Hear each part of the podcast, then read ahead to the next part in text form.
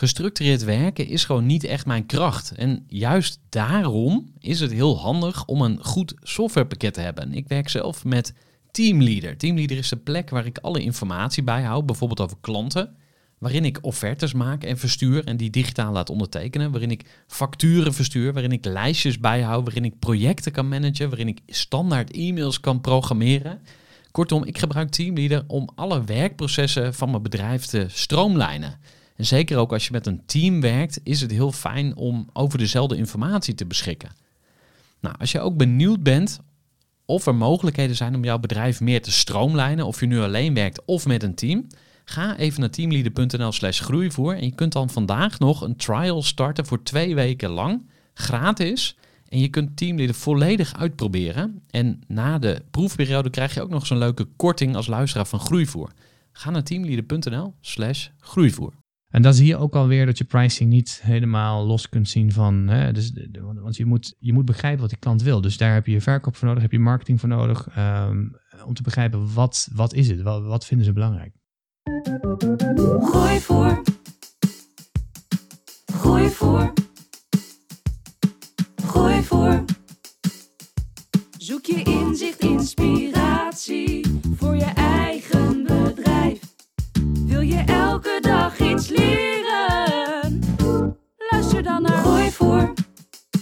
welkom bij weer een nieuwe aflevering van de Groeivoer podcast, waarin we het gaan hebben over pricing. Want ja, hoe bepaal je nou wat jouw dienst of product waard is? Welk prijskaartje hangen daar aan? Joris Smits, auteur van Pricing Power, weet er alles van en deelt zijn inzichten in deze aflevering. Dus ik zou zeggen, ga lekker luisteren, spit je oren voor Joris Smits, auteur van Pricing Power. Voor de kennis en ideeën van een interessante gast. Die zijn verhaal met jou wil delen. Luister je naar Gooi voor. Joris Smits, van harte welkom bij de podcast. Jij bent auteur van het boek Pricing Power. En nu eh, worden er in Nederland, naar ik gehoord heb, 2000 managementboeken per jaar geproduceerd. Dus ja, ik zou het liefst iedereen uitnodigen, maar ehm, dat doe ik niet. Ik kies alleen voor boeken waarvan ik echt denk, hey, die zijn relevant voor ondernemers. En eh, ja, vandaar dat ik je uitgenodigd heb eh, voor de Groeivoer podcast. Van harte welkom. Nou, dankjewel eh Gerard. Leuk om hier te zijn. We gaan volle bak in het onderwerp pricing duiken, maar laten we licht beginnen. Hoe gaat het met je? Ja, eigenlijk goed. Ik denk dat, eh, zoals iedereen, eh, de, de beslommeringen van COVID op een gegeven moment wel eh, ja, op een bepaalde manier doorslag hebben op je leven. Veel thuiswerken, eh, ja, veel tijd achter je laptop in dezelfde ruimte, wandelingetjes door de wijk of door, eh, door de buurt. Maar eh, al en al eh, geen klagen. Oké, want ehm, jij bent eh, in loondienst, daar hebben we het net al even over gehad. Eh, dus je hebt niet de harde klappen misschien gevoeld van eh, sommige, die sommige ondernemers gevoeld hebben. Maar wat hebben jullie gemerkt van de crisis bij Cargill? Ja, daar merk je dat het bedrijf Cargill het ehm, over het algemeen heel goed doet. Doordat ehm, de shift natuurlijk vanuit ja, wereldwijd door alle lockdowns. Vanuit het niet het out of home of horeca eigenlijk als je heel plat staat, maar meer naar de, naar de retail is verschoven. Ja, want wat, eh, wat is Cargill voor bedrijf ook alweer? Dat is een eh, ja, bedrijf die eigenlijk eh, alles wat wij dagelijks eten, drinken, verzorgingsproducten. ehm, en dan helemaal aan het begin van de waardeketen. Dus vanaf, vanaf de akker eigenlijk, hè, vanaf het land. Cargill, het bedrijf dat eigenlijk de eerste processing stap. Hè, dus eigenlijk het verwerken van die, eh, van die agricultural commodities, als dat zo mooi noemen. Dus dat gaat gewoon van eh, ja, granen, zonnebloempitten, suikerbieten, alles wat je maar kan. Gaan ze wel verwerken, zodat de Unilevers of de, de Heinz of de PepsiCo's van deze wereld er vervolgens eh, hun producten van kunnen maken. Nou ja, en vervolgens zie je dat natuurlijk dat die bedrijven, die ik net noemde, het heel goed hebben gedaan afgelopen jaar. Omdat er, eh, ja, mensen kan eigenlijk niks anders meer dan boodschappen doen. en eh, daar zijn die oververtegenwoordigd. En eh, dus merkte je dat er, dat er bij Cargill ook daardoor een, eh, een, een behoorlijke ja, eh, vraagtoename was. Ja, Groot bedrijf. Eh, jij bent daar verantwoordelijk voor de pricing. klopt. Ja. Eh, hoe is dat zo gekomen? Waarom ben jij daarvoor eh, aangenomen? Ja, ik eh, ben mijn hele leven al met eh, pricing eigenlijk bezig. Ja, niet mijn hele leven, maar een hele carrière. Ehm, ik ben ooit als consultant begonnen. Ben daar eigenlijk zo'n beetje ingerold. Dus meer algemeen marketing, strategisch consultancy waar ik deed. Nadat ik eh, afgestudeerd was. En ben toen Wat heb, langzaam... je, wat heb je gestudeerd? Bedrijfskunde, ja. En ben toen eh, steeds meer in het pricing eh, eh, je vakgebied terechtgekomen. Eh, dus eh, vanuit die eerste job die ik had als consultant al, gingen we steeds meer, eh, we werken veel in de financiële sector. Gingen we banken eigenlijk eh, en verzekeraars helpen om eh, ja, slimmer te prijzen. Zo, zo is dat eigenlijk begonnen. Dus niet als specialist destijds, maar wel gegrepen door het onderwerp, omdat het eigenlijk alles raakt in een bedrijf. Hè. Dus gaat, eh, wat je eigenlijk betaald krijgt van de klant, hè, dat is eigenlijk waarvoor het hele bedrijf volgens mij elke dag aan het werk is. Daarin komt alles samen. De vraag of jij de waarde die je levert ook echt verzilvert. De vraag is of alle kosten die je maakt, of je die überhaupt hè, terug kunt verdienen. Komt allemaal in de vraag, hè, wat wordt die prijs en zijn de klanten bereid te betalen? Dus er zit eigenlijk alles in. Dat fascineerde mij. Steeds specialistischer geworden. Eh, toen op een gegeven moment gedacht van nou, laat ik een boek gaan schrijven. Eigenlijk altijd, eh, op het moment dat ik mijn scriptie schreef op de universiteit, had ik al zoiets van, hey, ik vind het wel heel leuk om, om, om iets te onderzoeken en dan vervolgens ook iets over te schrijven. Toen dacht ik al van, nou, het zal echt een soort van eh, ultieme droom zijn als ik later oud ben. Dat dacht ik toen ook van, als, ik, als ik grijze haar heb, ik ben nu inmiddels kaal, maar ik dacht, toen dacht ik nog grijze haar heb, dan, dan, dan schrijf ik een boek over pricing hè, in, in de nadagen van mijn carrière. Of over een onderwerp, dacht ik toen nog, sorry. Nou ja, eerder dan verwacht had ik, kreeg ik toen toch een beetje die prikkels terug eh, toen ik eh, ja, twee, drie jaar geleden dacht van, nou ja, misschien nu al. Waarom niet? Toen ben ik eigenlijk gewoon naast mijn werk, eh, dagelijkse activiteiten, ben ik dit gaan schrijven in de avonturen. Omdat ik het ook leuk vind om met de inhoud bezig te zijn. En eh, nou ja, sneller dan gedacht was er in één keer toch dat boek. En eh, je zei, ik heb bedrijfskunde gestudeerd. Onder welk vakgebied kunnen we pricing scharen? Want kan, het raakt heel veel aspecten van je bedrijf. Hè? De finance, de, de marketing, de sales, eh, eh, strategie. eh, maar waar- waar, zit het volgens jou? Ja, dat is een, een goede vraag. Ehm, en ik vind dat het nergens zit. Oftewel, het moet een individuele functie zijn. Dus ehm, eh, het moet naast marketing moet het bestaan of naast sales. Het, het moet niet opgaan in iets, want automatisch zie je dan vaak dat het belang daardoor toch weer naar de achtergrond wordt gedrukt. Nou, zeg ik daarmee dat het dan als een soort silo moet opereren? Dat absoluut niet, want ehm, opnieuw, hè, pricing gaat over ehm, eh, welke prijs kun je krijgen voor wat je levert. Nou, dus er zit natuurlijk, da- daar komt alles weer in terug. Hè? Een stukje kosten van waar beginnen we überhaupt mee, hè? Eh, maar ook eh, welke waarde voegen we toe. Nou ja, dat is natuurlijk waar marketing een heel belangrijke rol speelt om te zorgen dat die klant ook begrijpt wat voor waarde die krijgt. Anders kun je het als pricing natuurlijk nooit verzilveren. Dus het is echt wel een hele belangrijke samenwerking. Maar ik denk dat je hem wel als individuele functie moet erkennen. Hè, een pricing afdeling en niet gewoon als onderdeel van marketing of sales. Eh, omdat je dan de, het vergrootglas gaat er dan heel snel weer af. En wat, wat zijn pricing mensen? Wat, wat zijn het over het algemeen eh, voor, voor types? Zijn dat echt die, die, die spreadsheet ridders, zoals sommige mensen dat noemen? Eh, ik geloof dat Bas van der Veld het zo noemt. spreadsheet ridders die eh, graag eh, ingewikkelde modellen bouwen. En dat, waar dus ook heel veel mensen op afhaken. Of zijn het meer communicatoren of zo? Hoe, hoe zou je pricing experts eh, over het algemeen typeren? Ja, dat is een, ehm, een vraag die ik op twee manieren kan beantwoorden. Hè? Wat, is, wat is het vandaag de dag en wat zou het moeten zijn? Wat is, wat is het vandaag de dag? Is, is, is denk ik wel soms te veel spreadsheets ridders. Ik vind het een mooie term. Ga het vanaf nu ook gebruiken. Ja, ga je gang.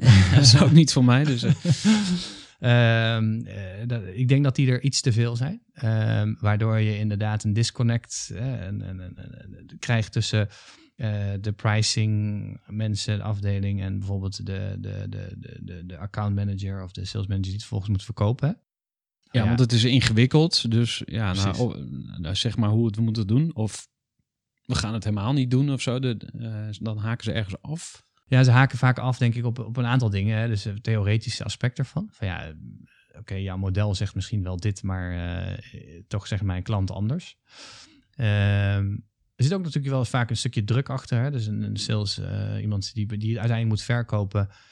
Ja, hoe wordt die ook beloond hè, door zijn baas? Vaak wordt hij toch wel een beetje beloond op, ja, zorg nou maar dat je gewoon zoveel mogelijk omzet draait. Ja, en dan is het eigenlijk is toch een dealtje doen die eigenlijk niet een hele goede prijs heeft, is beter voor je omzet dan niks doen. Dus er spelen echt al verschillende factoren. Maar ik denk één ding wat, wat de huidige pricing professional vandaag de dag over het algemeen beter kan doen, is minder theoretisch zijn. Ik denk wel dat ze natuurlijk, je moet vanuit een soort fact-based of een soort spreadsheet eh, kasteel komen. Maar zorg nou dat je ook eh, het kan vertalen naar wat betekent nou voor de dagelijkse praktijk. En kun je ook iets minder zwart-wit zijn in je conclusies. Ik denk dat je dan een hele goede samenwerking kunt hebben tussen de verschillende commerciële functies. En ehm, En ik ben nu eigenlijk al een beetje aan het beantwoorden hoe het zou moeten zijn. De, maar dat is, dat is hoe, ik, hoe ik dat zie en ook hoe ik dat bij veel bedrijven in mijn carrière heb, heb zien mislukken. Hè? Dus heel theoretisch, heel erg spreadsheet gedreven. Um, en de succesfactoren of verhalen zijn toch vaak waar je merkt dat, dat, dat beide functies eigenlijk een beetje over hun eigen grens heen kunnen stappen. Dus dat uh, pricing wat minder theoretisch in een communicatie wordt en wat minder zwart-wit wil zijn. Waar je ziet dat de commercie, hè, vaak sales, wat weer vaak juist niet echt data gedreven. Ik generaliseer een beetje, maar dat zie je toch vaak niet echt data gedreven werken. Meer op emotie, meer op gevoel, meer op relatie met een klant. Nou, als die eigenlijk een beetje beide over een grens heen stappen, uh, dan zie je dat er eigenlijk uh, dat het dan effectief wordt. Ja. Ja. ja, je had het al even over de praktijk. Laten we daar eens wat dieper induiken. Want wat gaat er volgens jou nou mis in, laten we zeggen, MKB Nederland als het gaat om pricing? Ja, uh, dan ga ik hem even filosofisch beantwoorden. Ik denk dat er, dat, dat, er, dat er te vaak wordt gedacht: pricing is niet iets waar je goed of slecht in kunt zijn. Het wordt nog niet erkend als uh, een, een competentie die je kunt hebben. Vaak wordt er, waar marketing of sales of finance, of natuurlijk wordt gezegd, ja, je kan een goede, goede marketingbedrijf uh, hebben. Hè? Dus een goed, goede marketingafdeling, een goede brand builders. Of, dat is echt een competentie, wordt dat zo wordt het gezien. Pricing wordt niet zo gezien, denk ik. En pricing wordt gezien als, ja, dat is gewoon iets wat, wat, wat je overkomt, zeg maar. Als, uh, als je concurrenten uh, een lagere prijs vragen, dan heb je eigenlijk geen keuze meer. Dan moet je wel. Hè? dus dat is vaak de perceptie. Ik denk dat het begint met uh, realiseren dat het iets is waar je goed in kan zijn. Dus in discipline er zitten heel veel structuren achter, methodes over hoe je wel in controle kunt komen over je pricing. Maar het begint met dat besef. Want ik denk als je dat besef eigenlijk als eerste hebt, dan ga je vanzelf wel een weg vinden om er beter in te worden. En dan kun je bijvoorbeeld boeken lezen. Of, uh, maar vaak, vaak is het geloof er nog niet eens. Ja, dus daar begint het eigenlijk al mee. Dus uh, pricing is eigenlijk een essentiële vaardigheid voor een ondernemer. Klopt.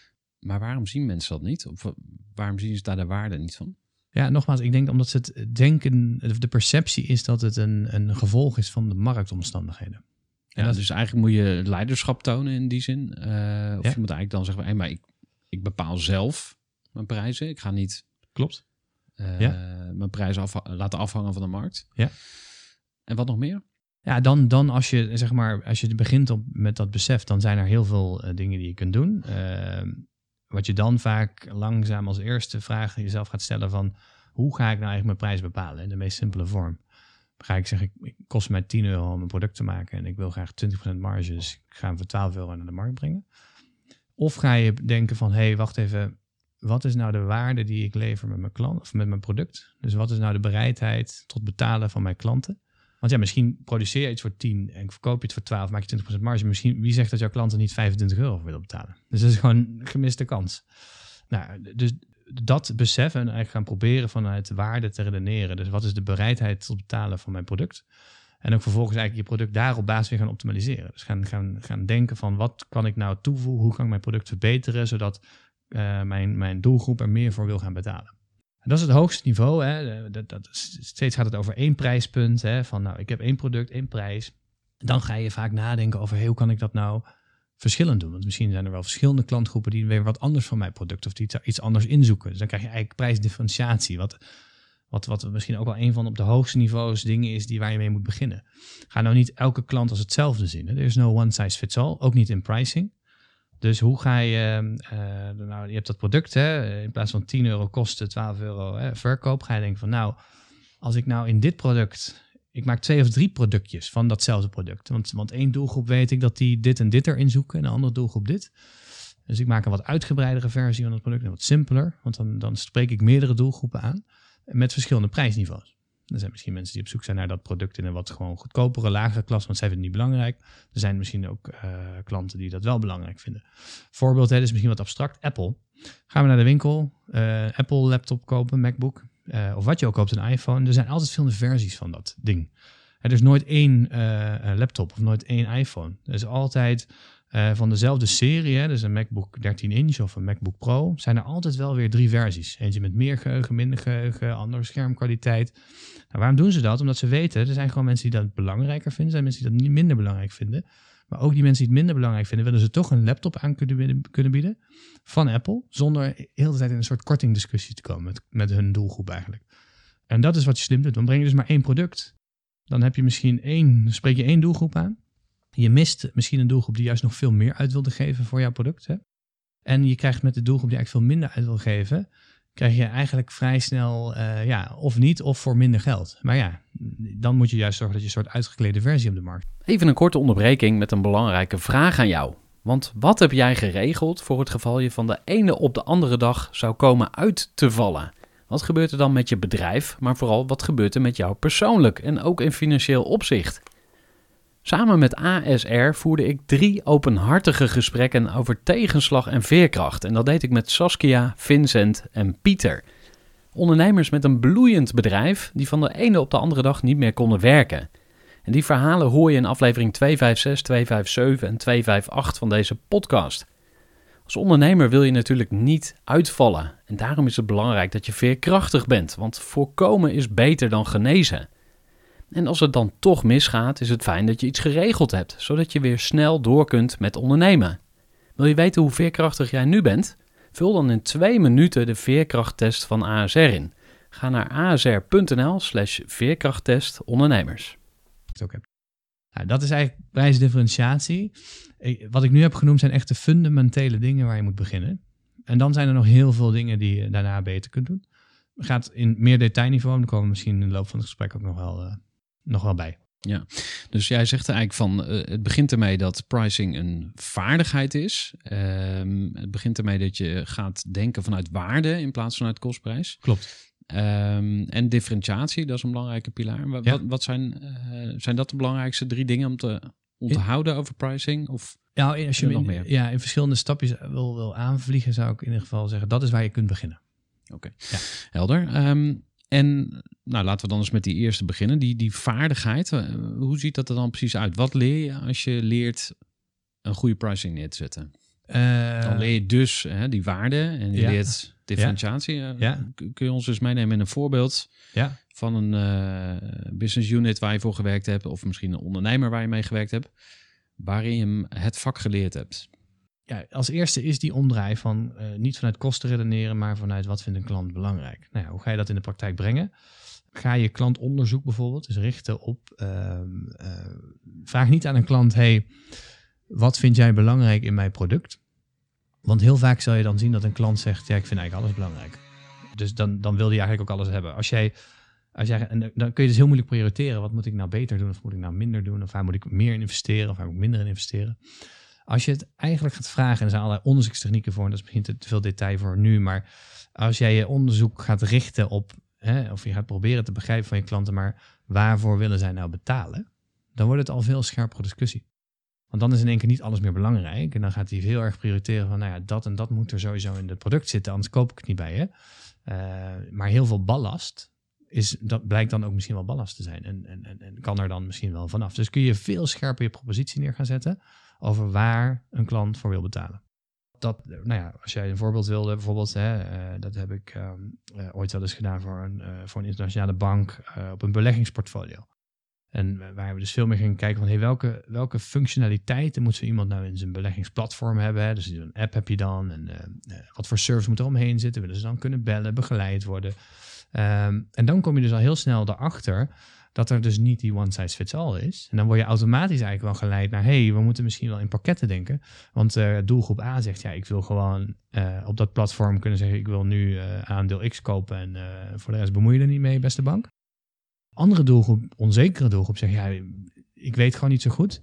Kunnen jullie mij niet begeleiden? Kan ik niet ehm, training hebben jullie volgens coaching krijgen? Of kan ik het niet helemaal aan jullie geven? Zodat jullie voor mij de beslissingen nemen. En ehm, eh, ja, voeren jullie dat hele ding maar uit. Hebben jullie veel meer verstand van dan ik? Beleggen jullie maar voor mij. Ik stort wel af en toe wat geld. En dan kom je er dus achter van, hé, hey, eh, uiteraard, eh, mensen die ehm, meer begeleid willen worden, zijn ook bereid daarvoor te betalen. Nou, dan kom je dus al snel achter van, hé, hey, wacht, als we nu onze productportfolio hè, of ons dienstportfolio gaan opbouwen op basis van wat al die mensen zeggen, dan kom je dus vaak op pakketversies van je diensten uit, eh, die in lijn zijn met verschillende doelgroepen en wat zij willen uitgeven en wat zij belangrijk vinden in dat product. En dat onderzoek, hè, want daarvoor moet je dus met je klanten praten. Ja. Wat, voor- wat voor vragen kun je dan stellen? Ja, je kunt, eh, je kunt kwantitatief onderzoek doen en kwalitatief. Vaak is een combinatie van, van beide het beste. Als je natuurlijk grote doelgroepen hebt, hè, dus echt massa, consumentenmarkten, dan kun je gewoon eh, onderzoek doen. Wat het beste werkt zijn dan echt simulaties. Dus waarin je klanten bijvoorbeeld keuzes laat maken uit verschillende gesimuleerde hè, of productpakketten. En eh, door dat op grote schaal te doen, kun je leren van hey, waarom kiezen ze nou voor die, waarom kiezen ze nou voor die. En dan ga je uiteindelijk leren welke factoren of welke productspecificaties dan steeds de doorslag geven. Dus dan heb je echt vrij indirect aan het toetsen wat men belangrijk vindt. Nou, waarom is dat? Wat is het voordeel van zo'n methode? Is omdat als je mensen vraagt naar wat ze willen betalen, dan hebben ze altijd het gevoel van hey, als ik nu zeg heel weinig, dan komt mijn huisbank misschien wel straks met een product op de markt heel goedkoop. Dus het werkt echt zo in de psyche. Als jij in, in, in een business-to-business environment zit, hè, zoals veel, denk ik, de doelgroep van groei voor, veel MKB. Ik denk dat die vaak eh, met, met, met andere bedrijven te maken hebben als klant. Nou, daar moet je al helemaal niet aankomen met de vraag van, goh, eh, wat wil je eigenlijk van mijn dienst en hoeveel wil je betalen? Want die hebben veel te veel invloed hè, in hun perceptie op de uiteindelijke prijs dan. Ehm, dus dan is dat indirecte, hè, om het een beetje te toetsen, ehm, is heel prettig. Nou, daarnaast moet je denk ik gewoon praten met je klant over wat is belangrijk, waar zou je meer uit willen geven, minder. Ik probeer dat minder zwart-wit te zien. Ik denk ehm, dat bijvoorbeeld de verkoop of de mensen die in het bedrijf dagdagelijks met klanten praten, ook daar een belangrijke rol spelen. Ik bedoel, ken je klant, weet wat hij belangrijk vindt, weet waarop basis die van zijn keuzes eh, baseert. Zorg dat in de dagdagelijkse praktijk ook gewoon ehm, die stem van de klant steeds naar binnen wordt gehaald. En daar is geen één antwoord op. Het is misschien soms een onderzoek doen. Het is eh, regelmatig aan je, aan je salesmensen vragen van geef eens feedback of kom eens terug met een, met, een, met, een, met een soort van samenvatting. Wat is er met die klanten? Wat, wat vinden ze nou belangrijk? Waar gaat het naartoe? Ik denk dat het altijd een combinatie moet zijn. En dan zie je ook alweer dat je pricing niet helemaal los kunt zien van. Hè, dus, want je moet, dat, je moet begrijpen wat die klant wil. Dus daar heb je verkoop voor nodig, heb je marketing voor nodig. ehm, om te begrijpen wat, wat is het? Wat, vinden ze belangrijk? En dat marktonderzoek, is dat iets wat je zelf moet doen of kunt doen? Want eh denk nu meteen van, oeh, dat klinkt wel heel ingewikkeld, zo'n simulatie. Eh, daar heb ik waarschijnlijk een marktonderzoeksbureau voor nodig. Klopt. Als je wat het- heel veel geld kost. Of, Ja, ja, ja. Hoe, hoe, hoe, eh, waar, waar beginnen dat soort prijzen? Ja, dus als je, als je wat ik net gaf, aangaf, dat voorbeeld hè, vanuit ehm, eh, de middenfinanciële, eh, die banken.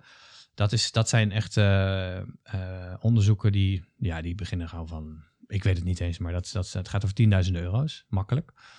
Ehm, ik denk ook dat als je het vertaalt naar een, een kleiner, probeer, dus misschien minder onderzoeksgedreven zou ik zeggen. Ik denk dat, dat voor een MKB-doelgroep het eigenlijk veel interessanter is om te denken van, oké, ik weet het niet precies. Dus ehm, een leuke truc die ik ook in het boek beschrijf bijvoorbeeld is van als je het niet precies weet, waarom, waarom ga je dan met één prijs naar je klant toe? Dus stel je maakt een offerte en een klant heeft gevraagd ik wil eh, coaching. Ja, je hebt een coachingbedrijf en eh, die klant zegt ik wil wel eh 10 uur coaching van jou. Of, eh, en dan zeg je oké, dit is mijn uurtarief. Ja, waarom, waarom zou je niet zeggen hey, coaching kan? Coaching pakket light, 10 uur coaching, boekje erbij, weet ik veel wat coaching eh, advanced. Hè? Dan doe je eh, 20 uur coaching. eh, met, met misschien nog een online modules erbij, weet ik veel wat. En dan heb je nog je ultra. Hè, waarin je zegt van eh, 30 uur coaching en nog een paar keer incheck naar de rand. En eh, die online modules en een boekje erbij. En een, eh, Je auto wordt gewassen. eh, ja, het wordt gewassen. Maar, maar dat, begin zo te denken. Want vaak weet je het niet. eh, maar heb je wel een gevoel als ondernemer van... hmm, wat is het speelveld? Als jij een offerte de deur uit doet met maar één prijs... dan krijg je of een kortingsdiscussie... omdat die klant dacht... Hmm, ik had eigenlijk maar 5000 euro budget voor deze coaching... en niet wat jij nu vraagt. Of misschien had hij wel 10.000 euro. En, en, en, en, en, zit jij met je prijs... mis je ook weer een hoop extra eh, betalingsbereidheid die die klant had. Want die had eigenlijk een behoefte die jij niet altijd precies kan inschatten. En daarom biedt hem dan altijd ook opties. Nou, dat kun je als je naar, eh, eh, in, in, een, in, in een business-to-business omgeving zit, kan dat heel goed. Maar je ziet dat natuurlijk ook als je op eh, de websites kijkt van, eh, nou, ik zeg Apple, hè, dan zie je het eigenlijk in consumentenomgeving. Oké, ik weet niet precies welke laptop jij wil, maar voor elke eh, portemonnee is er een laptop. Mhm. En je ziet natuurlijk ook, eh, als je kijkt naar Spotify of uh, meer online SaaS-diensten weer voor, voor, voor bedrijven. Hè, dus uh, dan zie je heel vaak weer altijd die prijspagina's. Nooit, dit kost ons product. Nee, er zijn zes versies en hier zit dat in met die vinkjes en de kruisjes en de nummertjes. En dan heb je al die verschillende prijzen, waardoor je eigenlijk niet kan misschieten. Er is voor ieder wat wils. Ja, dus daar, daar uh, moet je een diversificeren. Dat is natuurlijk een spanningsveld met focus. Ik heb nu met de Groeiclub ook gezegd van... oké, ik heb een jaarbedrag, 3000 euro, er zit dit en dit allemaal in. En jij brengt me weer een twijfel. Ik denk, ja, moet ik toch een andere eh, strategie gaan voeren? Hè? Bijvoorbeeld drie, drie opties gaan aanbieden. Ja. Ja, dat hangt natuurlijk ook even vanaf van hoe makkelijk kun je dat hè, uh, in de praktijk uitvoeren. Hè? Maar als jij het gevoel hebt van, hé, hey, wacht, ik denk toch dat ik meer een veel grotere doelgroep kan bereiken als ik ook wat meer premium pakketten, of de, gold, silver, bronze denk, of uh, good, better, best. Hè. En misschien zit er ook wel een doelgroep die 3000 euro wat te veel vinden, dus kan ik niet voor die doelgroep wat doen. Um, ja, dat hangt ook vanaf, kun je dat op dat moment, hè, kun je dat, hè, kun je dat doen? Wat je vaak ziet in de volgorde is hoe bedrijven dat benaderen, is dat je zegt van, nou ja, zolang jij op jouw pakket wat je nu hebt voldoende groei hebt en je kunt het eigenlijk amper bijbenen, je kunt het dingen mensen aan gaan nemen of je kunt het zelf blijven doen, maar laten we zeggen, van, je kunt het amper bijbenen. Uh, dan, dan is het misschien verstandig om daar voorlopig nog even door te gaan. Want mensen die denken van, groei gaat een beetje uit. Ik zie wel dat er een doelgroep is die juist uh, uh, ook echt wel wat willen, maar die hebben wat minder. Kan ik voor hen niet een soort light pakket aanbieden? Dan ga je kosten wegnemen voordat je naar de markt gaat. En dan ga je vervolgens zeggen, joh, ik kan uh, jullie ook bedienen. voor je tijd heb je misschien duizenden mensen die je daar ook bedient. Moet dat altijd zo zwart-wit? Nee, je kan ook met add-ons. Je kan ook zeggen van nou, uh, iedereen heeft in principe hetzelfde, maar wil je een inclusief is drie podcast en, en, en, mijn toekomstig boek en uh, dat kan. Uh, maar als je dus toegang wilt tot extra podcast, dan, dan, dan kost dat op een gegeven moment een keer per podcast zoveel. Of, je kunt allerlei modellen denken. als je maar op een gegeven moment wegblijft van het one size fits all blijven prijzen. Want dan, dan, dan zou je ervan uitgaan dat al jouw klanten precies hetzelfde zijn en ook precies hetzelfde willen. Gooi voor. Groeiclub. Ja, je bent nu lekker aan het luisteren naar de Groeivoer podcast. Maar misschien wil je wel iets meer dan alleen passief luisteren. Nou, goed nieuws. Je kunt ook een keer langskomen bij een groeisessie voor ondernemers. Groeiclub voor Ondernemers is een netwerk en een groeiprogramma in één waarin je enorme stappen kunt gaan maken in je ontwikkeling als ondernemer. Dan denk ik, ja, leuke sales pitch Gerard, dat moet ik zelf zien. Nou, dat kan en dat kan voor niks. Voeg me even toe op LinkedIn, Gerard Te Velde is de naam. Doe dat sowieso als we nog niet verbonden zijn. En stuur mij ook even een mailtje via info.groeivoer.nl. En dan uh, krijg je van mij de toegangslink. Nou, deze sessie is alleen toegankelijk voor ondernemers. En ook echt alleen voor ondernemers die serieuze groeiambitie hebben. Het mag zijn iets op persoonlijk vlak. mag ook zijn een groeivraagstuk in je bedrijf. Daar gaan we graag met je over in gesprek. En dan gaan we nu weer terug naar het gesprek met Joris Smits. Luister lekker verder naar voor wil nog eens uh, met je uh, gaan kijken naar een ander uh, vraagstuk als het om pricing gaat. Want we hadden het natuurlijk over de value-based pricing. Hè? Dus het, het bepalen van je prijs op basis van de waarde. We hebben het gehad over hoe kun je dat onderzoeken. Hoe kom je erachter wat klanten nou eigenlijk willen betalen. Maar ik had ook opgeschreven eigenwaarde. Wat ik nog wel zie bij vooral kleine MKB-ondernemers. is dat ze onzeker zijn over hun product of dienst. Ja. Uh, in hoeverre, of de vraag aan jou is eigenlijk, in hoeverre is je prijs een reflectie van je eigen waarde? Ik denk dat dat in de markt van ZZP'ers, uh, klein bedrijf, een enorme uh, relatie heeft. Ja. En ik denk dat over het algemeen ehm, mensen altijd bang zijn om het hoge prijs te vragen. Dus ik denk als je het gemiddelde, dat kun je natuurlijk nooit inzichtelijk krijgen, maar mijn hypothese is wel dat gemiddeld uh, mensen eigenlijk onder de prijs zitten die ze zouden kunnen rekenen voor zichzelf. Wat zijn nou trucjes om, om ook zeg maar, over je onzekerheid heen te komen? Of zelfs terwijl je nog steeds onzeker bent, toch eens te gaan experimenteren of uh, mensen wat meer willen betalen? Ga dat eens testen. Kunnen zo misschien nog wel even, ik kan echt wel wat breder over wat voor prijsingtechnieken zijn er nog meer. Als jij 60 uur per uur zei, dan kun je nog steeds, hè, en hoe dat zich vertaalt naar misschien een totaalprijs of pakketprijs, kun je nog steeds dat in je offerte zetten.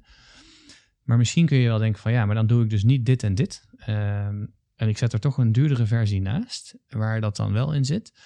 dan is het vrij veilig voor jezelf. Hè? Dan test je het op een manier dat die klant, als, hij echt, als, als nou echt blijkt dat je eigenlijk dat toch niet waard bent, dan kan die altijd nog naar die goedkopere versie. En dan kun je daar een discussie met hem over hebben.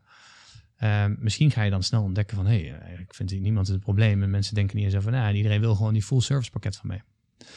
Dus, dus, dus, het hoeft ook niet altijd zo zwart-wit te zijn van het is 60 en volgende week is het 90. je kunt, er zijn trucjes om dat langzaam eens uit te gaan proberen. En dat komt dan wel vaak neer op dat je dus altijd moet denken in, er zijn verschillende uh, opties mogelijk in hoe je van mij gebruik kunt maken. En misschien moet je eens beginnen met te denken van wat ik dan altijd doe, kan ik eens een beetje op gaan knippen in stukjes. En dan als je het allemaal wil hebben, dan is het 90 euro. Maar als je een paar dingen waarvan ik denk, ja, die doe ik eigenlijk altijd wel bij. Maar ja, misschien willen mensen dat soms wel, dan die 60. Dan kun je na een paar keer ook eens kijken van hoe hebben mensen nou die offertes gereageerd. Dit is even heel praktisch, maar zo is het natuurlijk ook vaak. Want je kunt niet zomaar een onderzoek gaan doen. Vooral niet als je op, je op jezelf werkt. Kun je niet even zeggen, nou ik ga eens even een onderzoek doen naar de bereidheid van betalen van klanten. Dus word er bewust van, word bewust van de waarde. Word er ook bewust van dat je vaak niet één product of dienst bent, maar dat je eigenlijk een verzameling bent van allerlei onderdeeltjes. Ga daar eens dan mee spelen uh, in je volgende offerte. Ja, en eigenlijk uh, komen we dan ook een beetje op het gebied van onderhandelen. Klopt. Want jij liep net meteen uh, in, bij mijn boekenverzameling naar, naar uh, Never Split the Difference van Chris Voss, een Amerikaanse uh, onderhandelingsgoeroe noem ik hem maar even. Klopt. Vertel eens, waar, waar, waar ligt die link dan precies? Ja, ik denk dat prijsonderhandelingen natuurlijk, ja, als je praat over onderhandelingen, Chris Voss is dan grappig, die iemand voor de FBI, die, die deed zeg maar gijzelsituaties uh, onderhandelen. Ja, dat soort films hebben we vroeger veel gekeken in de 90s. Ja, uh, van uh, wie was het ook allemaal? Nou, ik weet al die namen niet meer, maar... Over de vrijlating van gijzelaars. Dat is natuurlijk een hele andere tak van sport. dat, dat is veel belangrijker nou ja, maar of je je product wil vrijgeven aan die klanten. ja, dat klopt. Ja, dat klopt. Maar wat, hij heeft een boek geschreven wat eigenlijk heel erg goed toepasselijk is in de, in de, in de zakelijke wereld. Maar dat was eigenlijk niet het linkje. Het linkje wat ik wilde maken is meer van naast die bijzondere situaties van onderhandelen, gaat het natuurlijk in het bedrijfsleven onderhandelen bijna altijd over prijs. Hè? En, en natuurlijk, prijs is altijd een reflectie van wat krijg ik dan. Maar heel vaak gaat het over de prijs voor onze transactie. En is die beter dan bij je concurrent? Of uh, nou ja. Op het moment, uh, onderhandelen wordt heel moeilijk als je dus eigenlijk ook weer dan heel log aankomt met dit is ons product, dit is onze offerte en dat zit. Uh, als dat niet, als je dus onderhandelen kun je eigenlijk alleen maar als je allerlei opties uh, om te onderhandelen hebt. Hè? Dus allerlei verschillende elementjes om over te onderhandelen. Um, ik denk dat daar de link heel erg ligt ook. Tussen uh, pricing en onderhandelen. Dus één, het, prijs of onderhandelen gaat vaak over prijs. Moeten we dan meteen, eh, meteen ook even het, het, het woord korting eh, erbij roepen? Want uh, we, we, hebben het nu over drie goeroes. Hè? Joris Smits, Chris Vos en uh, Jos Burgers natuurlijk. Ja. Onze klantenkoning en bekend van Geef Nooit Korting. Ja. Ook in de podcast te beluisteren trouwens. Um, dus we hebben prijs. We gaan onderhandelen over de prijs. Dan hebben we korting. dit is een hele interessante soep ja. die we aan het koken zijn. Want... Ja, hij, hij klopt precies de soep, zeg maar. Um, uh, geef nooit korting. Uh, helemaal mee eens met Jos. Geef nooit korting. Um, dus als jij niet van tevoren, voordat je gaat onderhandelen, voordat je die offerte de deur hebt gestuurd, uh, de, de boel in, in, in, in, stukjes hebt geknipt, dan, dan wordt het ook heel lastig om te zeggen als een klant vraagt, ik korting. Kijk, als jij dus de boel al in stukjes hebt geknipt, dan kun je zeggen, ja, korting, ja, korting bestaat niet. Hè, het is een prijs en als jij minder wil betalen, dan kunnen wij misschien wel overwegen minder voor je te doen. Dat kan wel. Nou, dat, dat is eigenlijk het simpele antwoord. Dus, dus zorg dat je, dat je dus uh, korting, of dus altijd een vraag van ik wil minder betalen, koppelt aan dan krijg je ook minder waarde. En minder waarde kan bestaan uit uh, simpelweg minder uh, uren die jij als, als ZZP'er besteedt aan het bouwen van die website bijvoorbeeld. Of je, je krijgt producten met een mindere service eromheen. Of je, je krijgt toch een, minder, of een product met mindere specificaties. Nou, ik snap dat het nooit zwart-wit is en nooit zo simpel. Hè? Was het maar zo, hè? dat als je in onderhandeling met een klant zit en ik wil korting, zeg ja, dan moet je misschien het uh, sobere pakket en dan is alles in één keer achter de rug. Hè? Dan natuurlijk zegt die klant, nee, maar ik wil de prijs van het sobere pakket maar voor die. Maar je hebt dan, dan kom je al veel sneller tot een compromisversie. Hè? Want jij kan zeggen, nou ja, weet je, ik moet dan echt minder doen. Dan zegt die klant misschien, ja, oké, dat snap ik. Maar dan wil ik, ik snap dat je minder doet, maar ik wil toch dat ene dingetje er wel bij. En dan kom je misschien tot een mooie compromis. Onderhandelen is pas mogelijk als je dus eigenlijk ook iets hebt om over te onderhandelen. Dus je zegt, ik ben een ZZP'er en ik kost 60 euro. En die klant zegt, ja, maar ik wil je voor 40. Ja, wat moet je dan nog doen? Als je niet van tevoren al hebt duidelijk gemaakt van nee, ik ben niet 60 euro, mijn product bestaat uit allerlei onderdelen. Dan wordt het straks veel ma- makkelijker handelen. En trade, ja, give get, zoals dat zo mooi noemen. Van wat krijg ik dan, wat geef ik dan op die handelingstafel. Wordt veel makkelijker. Ja, misschien nog eens wat nader inzoomen op eh, psychologische aspecten van eh, pricing. Want ehm, heel veel dingen die je nu zegt, denk van ja, eh, logisch en het klopt en rationeel gezien heb je gelijk. En tegelijkertijd schieten mij allerlei voorbeelden eh, door, eh, ehm, voor ogen van eh, praktijksituaties waarin dat niet werkt. Dus ehm, een klant vraagt om korting en dan denk ik ja, ik wil aardig gevonden worden. Ik noem maar even een voorbeeld, dus ik geef korting. Hè. Dat, deed ik vroeger altijd. Stond ik in de winkel en dan, eh, ja, ik, ik, ik vond het gewoon leuk dat mensen mij leuk vonden en dan gaf ik ze een beetje korting. Dus dat is een probleem. Eh, dan hebben we het ook nog over ehm, eh, flexibel zijn. Hè. Dus als je heel flexibel bent, dan denk je, ah, nou, waarom ook niet? Ik kan best een keer een uitzondering maken. Terwijl je moet eigenlijk misschien heel strikt zijn en heel erg vasthouden aan bepaalde regels. En dan is er nog een soort van rituele dans. Dus een klant vraagt eigenlijk gewoon om korting, omdat het nou eenmaal een soort van eh, zo hoort. Van ja, als je een offerte krijgt, dan zeg je gewoon ja, ik wil graag korting. En dan kijken we wel wat er gebeurt. Ja. Eh, ik sleep er misschien weer van alles bij, maar Nee, is goed. hoe, hoe kun je om dat soort dingen heen zeilen? Laat ik even bij de laatste beginnen. Hè. Dus, ehm, eh, dat is een hele leuke namelijk. Als jij verwacht dat die rituele dans daar gaat zijn, hè, en die is er vaak. Als je die anticipeert, waarom vraag je in plaats van die 60 euro niet alvast 70 euro? Dat is echt de simpelste oude truc, maar oh zo krachtig. Hè? Want eh, vaak wordt het vergeten en dan eh, is het steeds maar eh, een beetje die, die 60 euro. Je weet, oh, deze klant, ik verwacht al dat hij om korting gaat vragen. Zeg dan gewoon 70 vaak in de wereld van hè, waar, waar je met inkopers te maken hebt, bijvoorbeeld, hè, dus als je wat grootschaliger gaat zitten. Ehm, kijk, hoe kan je als inkoper na het einde van de dag naar huis gaan en jezelf in de spiegel kijken en zeggen van, nou, ik heb eh, allerlei eh deeltjes gemaakt voor mijn, voor mijn baas, hè, voor mijn bedrijf waarvoor ik werk. En eh, ik heb overal op de eerste offerte ja gezegd. Dan, dan heb je niet het gevoel. Dus zorg dat zij zich ook goed kunnen voelen. Hè? Zorg dat zij denken aan het einde van de dag, nou, hè, daar 10 euro uit onderhandeld van de stuksprijs en daar op de totale deal honderden duizend euro's eruit onderhandeld. Ja, dan moet je ze wel die kans geven. Nou, en opnieuw, dus niet zo zwart-wit, want die zijn ook niet gek als je dat, maar er zit, het, het werkt wel echt een beetje zo. Geef ook de kans om samen tot een compromisversie te komen. Als je vanaf het begin af op je allerscherpste niveau gaat zitten en op dat niveau waarvan je denkt van, ik durf gewoon niet meer te vragen en dit is echt mijn minimum. Eh, want ik weet anders dat ze het misschien niet gaan doen. Hè. Vaak haal je allerlei dingen in je hoofd. Ja, maar dan, dan, dan, dan zet je jezelf als schaakmat. Want die, want die inkoper gaat nooit, maar dan ook nooit de eerste deal accepteren. Want dat is niet zijn baan. Zelfs als hij denkt, nou dat is goedkoop. Dan nog denkt hij, ja, ik moet er wat van afhalen. Dat is mijn plicht. Ja. Nou, dat, is de la dat, is de, dat was die laatste. Dan had je er nog eentje in het midden. Ik weet niet meer welke dat was. Uh, over aardig gevonden worden. Aardig gevonden aardig worden, ja. gevonden willen worden. Ja, dat, daar, daarvan, daarvan heb ik wel zoiets, uh, Geert, heel eerlijk van. Dan moet je voor jezelf bepalen. Maar denk dan, wel heel, denk dan wel heel goed na. Ik heb een bedrijfje, ik neem mijzelf serieus. Elke euro, elk procent die jij korting geeft, dat kost je gewoon 7, 8 procent netto rendement. Dus als jij aardig gevonden wil worden en je wil ook groeien met je bedrijf en je wil winstgevende boterham eruit halen, dan inderdaad, dan is het aan jou om te zeggen wat vond ik belangrijker. Alleen maar aardig gevonden worden of, uh, of ook winst maken. Want het is echt 1% korting is makkelijk gegeven. Maar 6, 7% netto winst die zo voetzie is met die 1% die je geeft. Ja, dat is aan jezelf om te bepalen hoe pijn dat doet of niet. Uh, maar zo simpel is het. Ja, nou ja, het is heel makkelijk denk ik om daarin jezelf een beetje voor de gek te houden. Dus om allerlei excuses te gaan verzinnen waarom uh, het oké is dat je bijna geen winst maakt. Ik ken hele uh, winstgevende bedrijven, ook bij de Groeiclub. Hè. Er zijn echt een paar uh, ondernemers en wel meer dan een paar die echt gewoon heel, heel lekker winstgevend zijn. Er zijn er ook altijd die een beetje wat minder winst maken. En dat heeft dan ook wel eens te maken, denk ik, met nou ja, gebrek aan skills. Dat kan het zijn, dus dat je nooit geleerd hebt om geld te verdienen. Maar het kan ook liggen aan bijvoorbeeld uh, hoe je denkt over geld. Dus als je, ja, ik vind geld gewoon niet zo belangrijk. Ik vind mijn idealen uh, heel erg belangrijk. Ja. Ja. Maar dan zou je bijna moeten zeggen van ja, dan moet je dus een partner zoeken die jou daarbij gaat helpen. Dus als jij ja. niet goed bent in, in deals uit onderhandelen, ja, huur een onderhandelaar in. Of, uh, ja, Laat of je, je, coachen, moet het zelf, ja, dat zou ook, je zou er zelf in kunnen groeien. Ja. En wat zie jij? Ja, ik, ik zou zeggen dat. En, en, even terug naar die idealen. Kijk, het is maar net hoe je dat weer framed voor jezelf. Hè? Dus jij zegt van ik heb idealen en ik wil die idealen nastreven.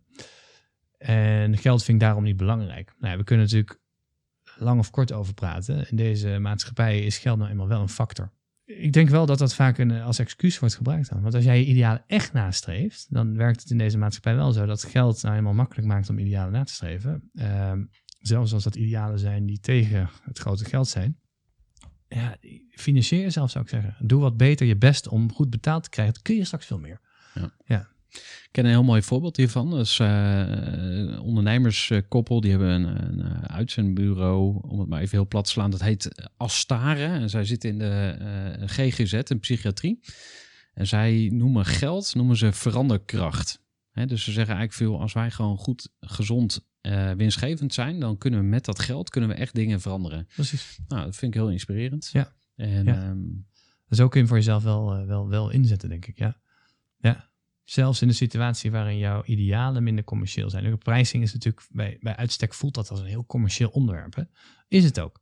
Maar ik denk dat het dus toch ook in juist wanneer je zegt van onze doelstelling is juist niet commercieel, maar we willen juist dingen veranderen in de wereld.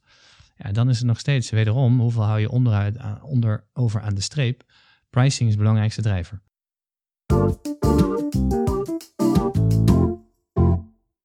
We gaan alweer richting afronding ja. van dit uh, mooie gesprek. Want uh, ja, het triggert ontzettend veel uh, bij mij. En ook raakt aan heel veel onderwerpen die, daar, ehm, die met pricing te maken hebben. Wat hebben we nog niet besproken? Waarvan je echt van, hey, dat ja. cruciaal. Ja. Of daar moet je beginnen. Ja, nou, waar we, waar we moeten beginnen, denk ik, hè, dus de, de, daar hebben we wel best wel veel over, over gezegd. Ik denk dat uh, er is nog een hele rijkdom aan technieken. Zullen we daar eens gewoon uh, induiken? Ja, ja. ja, let's do it. Dus, na, hè, dus naast prijsdifferentiatie, denken in waarde, differentiatie, daar zijn we begonnen. Dan heb je nog, uh, dat, we hebben het al even aangeraakt, het hele aspect van uh, psychologisch prijzen. Ik ga gewoon soms korte voorbeeldjes noemen om niet overal te diep in te gaan. Maar wat ik heel vaak en, uh, in, in, in, ondernemers die ik begeleid, en die, dan zie ik heel vaak offertes. Hè, dan, dan kijk ik ook samen met ze naar offertes die ze, die ze maken. En dan gaat een offerte deur uit van, nou, dit project ondersteuning is uh, 21.743 euro. En ik, hoe kom je bij die prijs? Ja, dat is een optelsom van mijn uren maal tarief dat ik reken en dan is het 21.000 nog wat. Ik zeg altijd van, nou ja, dus in principe dat noemen ze charm pricing. Hè? Dus dat is eigenlijk psychologisch van wij als, uh, als koper of als mens lees je eigenlijk van links naar rechts prijzen. Dus op het moment dat er ergens 9 euro staat, uh, dan, dan zelfs als er 9,99 euro staat, voelt dat nog steeds als 9 euro en niet als 10. Tegelijkertijd werkt het ook andersom. Hè? Dus als jij, als jij een, een prijs leest van 10,10 euro, 10, voelt dat in één keer heel erg 10. terwijl het maar 10 cent meer is dan 10. Nou, als je dat wil, als je dat in, in de supermarkt kennen het allemaal, de 9-9 afrondingen. Maar in, in, in de business to business zie je dat er vaak vergeten wordt. Een offerte heel erg nauwkeurig wordt neergelegd. Wat ik dan vaak doe is vragen van, joh, wil je daar nou niet, uh, moet je dat niet eens naar boven gaan afronden? Dus niet 21.900. Hè? is toch gewoon 500, 600 euro uh, zo even erbij. Of is het niet, misschien denk je niet 20.000 euro ben je bang om die offerte te verliezen. Maak er eens 19.900 van. Dan heb je misschien een veel grotere kans dat je hem wint. Dat is al een van die psychologische dingetjes waar vaak vergeten wordt. Dat super simpel is. Hè? Leer jezelf aan, nee, uh, oké, dit komt uit mijn berekening. Hoe kan ik dat nou even slim afronden? Simpel getal van maken. Even deze psychologie uh, erin meenemen. Baat het niet, dan schaadt het niet, zou ik zeggen. Toch gebeurt het nooit. Dat is één uit die, uit die psychologie. Dan heb je nog het, uh, uh, een andere invalshoek in pricing is het stukje ja, wat ze noemen bundelen en, en, en tier pricing, oftewel staffels. Hè? Dus, hè, dus opnieuw een manier om dus eigenlijk te zeggen van hé, hey, ik kan mijn product ontleden. Hè, wat, waar we natuurlijk deze podcast mee begonnen zijn, van uh, ga nou eens denken in versies. Kun je ook nog denken in pakketten waar zeggen van nou, ik doe naast um, um, adviesdiensten ben ik ook, uh, ja, misschien bouw ik ook wel websites voor. Dan houd ik een platform. Als je nou met één klant bezig bent over adviesdiensten, ga eens, uh, misschien heeft die klant ook al, neemt hij bij wel weer een andere speler ook een stukje marketing communicatie in die websites af. Ga eens kijken of je, of je niet kan zeggen van nou als ik, nou, als ik dat nou eens ook met jou samen ga doen, kunnen we dan niet een, een betere, kan ik dan, dan kan ik wat lager mijn prijs, kunnen we echt een package deal maken. Dus dat, de kunst van bundelen, uh, je verschillende, dat is ook weer een manier om eigenlijk weer over verschillende prijspunten in onderhandeling met klanten te gaan en eigenlijk een win-win te zoeken. Nou, de, de, staffel zit daar eigenlijk ook in. Dat is weer een manier om te zeggen van als je nou meer met mij gaat doen, is altijd de rechtvaardiging om wat scherper in je, in je stuksprijs of je uurtarief te worden. En dat samen met bundelen is nog krachtiger. Dus meer denken in een echte deal? Hè? Waar zit die win-win? Dat is nog een hele andere invalshoek weer die misschien nog wel dichter bij onderhandelen ligt. Dan heb je nog hele interessante ook, dat gaat over, eh, denk eens na over je prijsmodel. Hè, vaak gaat de discussie heel snel over, goh, eh, ik heb een product en moet het 10 euro of 11 euro of 6 euro zijn. Eh, weet ik niet, hè? dat is moeilijk, maar we hebben allerlei dingen bedacht hoe we daar iets beter achter kunnen komen. Maar moet je het wel per stuk rekenen? Of moet je zeggen van nou, wat nou als ik hier een abonnement van maak? Of wat nou als ik eigenlijk een stukje vast tarief doe en een variabel tarief op het moment dat ik ook echt de dienst lever? Of nog interessanter zijn prijsmodellen waar je gaat samen ondernemen met jouw klant. Waar is eigenlijk het belang en het succes van jouw klant onderdeel maakt van jouw prijs. Dus stel jij zegt, eh, wij gaan, eh, wij gaan een, eh, ik ben een adviseur en ik zit heel erg op de kostenbesparingskant. En ik ga, met jou, ik ga bij jou zoveel kosten besparen. Nou, we weten nooit of het lukt. We zijn afhankelijk van allerlei factoren. Dus ik wil wel een soort van 50% wil ik gewoon betaald worden. Dat ga ik gewoon doen. En ik heb niet op alles invloed.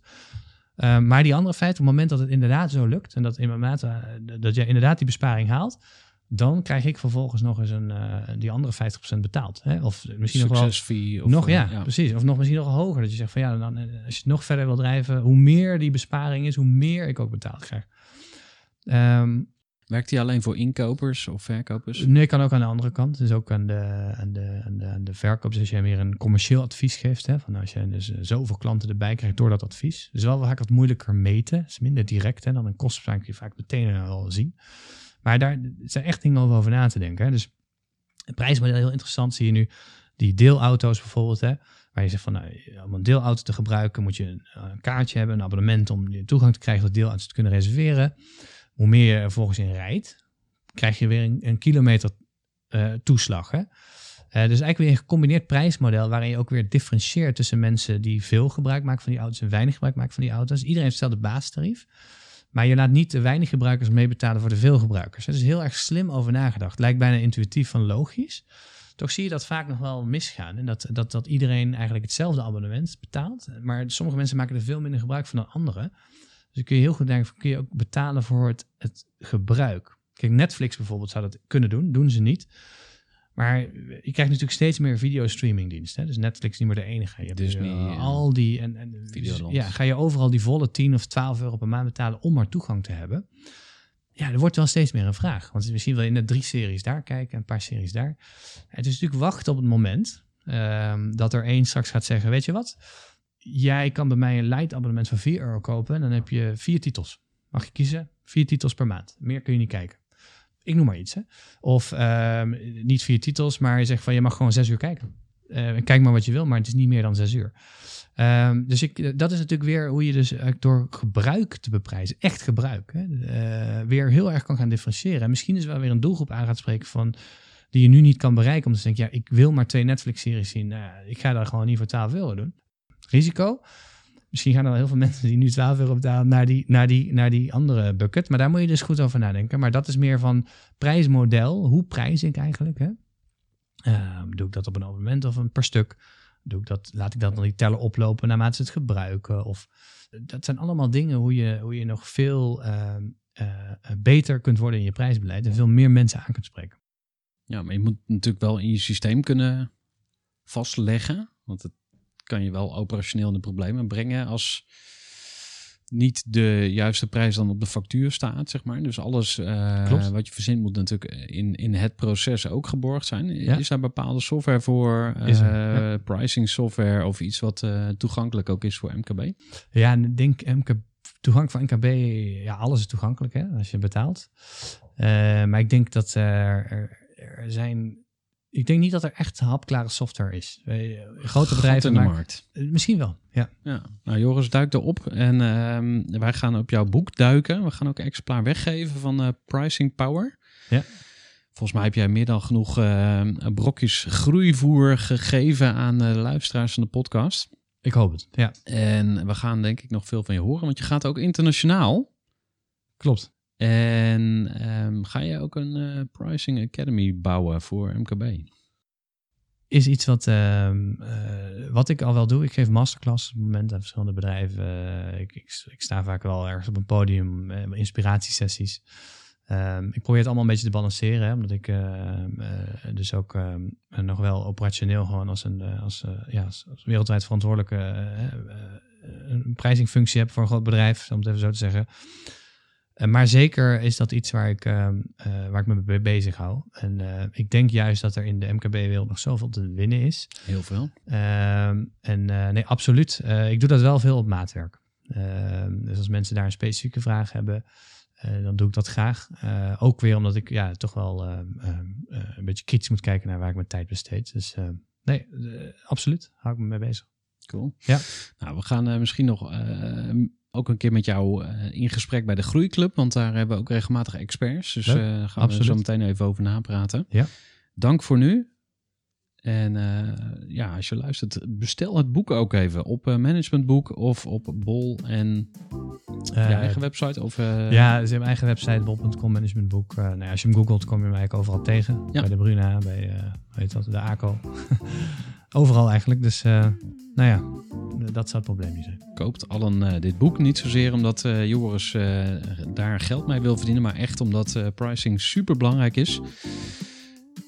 Dankjewel, Joris. Ja, dankjewel, hartstikke leuk. Ja, tot zover dit gesprek met Joris Smits, auteur van Pricing Power. Heb je het boek nog niet in huis? Check dan even op bol.com of Amazon of waar je dan ook je boeken haalt. Het boek Pricing Power. Ik denk dat dat een goede investering is, vooral als je er ook echt wat mee gaat doen. En dat is ook meteen de uitdaging die ik jou wil geven. Kijk nou eens welke eerste kleine stap je kunt zetten met de kennis die je opgedaan hebt in deze podcast. Nou, ik heb ook nog een leuke reminder voor je. En dat is dat ik in januari een heel vet en inspirerend event ga doen voor ondernemers bij AVAS in Leusden. En daar is plek voor 850 ondernemers. Je hoort daar binnenkort natuurlijk weer meer over. Maar als je niet kan wachten, meld je alvast even aan via info.groeivoer.nl. Dan weet je zeker dat jij ook een plekje hebt. Vond je dit een waardevolle aflevering? Stuur deze dan ook gerust even door naar iemand waarvan jij denkt dat hij met zijn pricing nog wel stapjes kan maken. Dankjewel voor het luisteren en graag tot een volgende keer. Gooi voor.